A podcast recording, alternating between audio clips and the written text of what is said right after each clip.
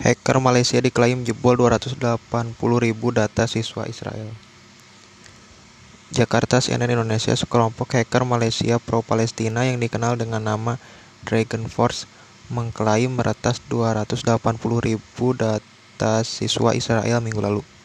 Sebanyak 280.000 data siswa di seluruh Israel bocor usai serangan cyber yang ditargetkan kepada platform yang kerap digunakan siswa untuk mencari pekerjaan akademik.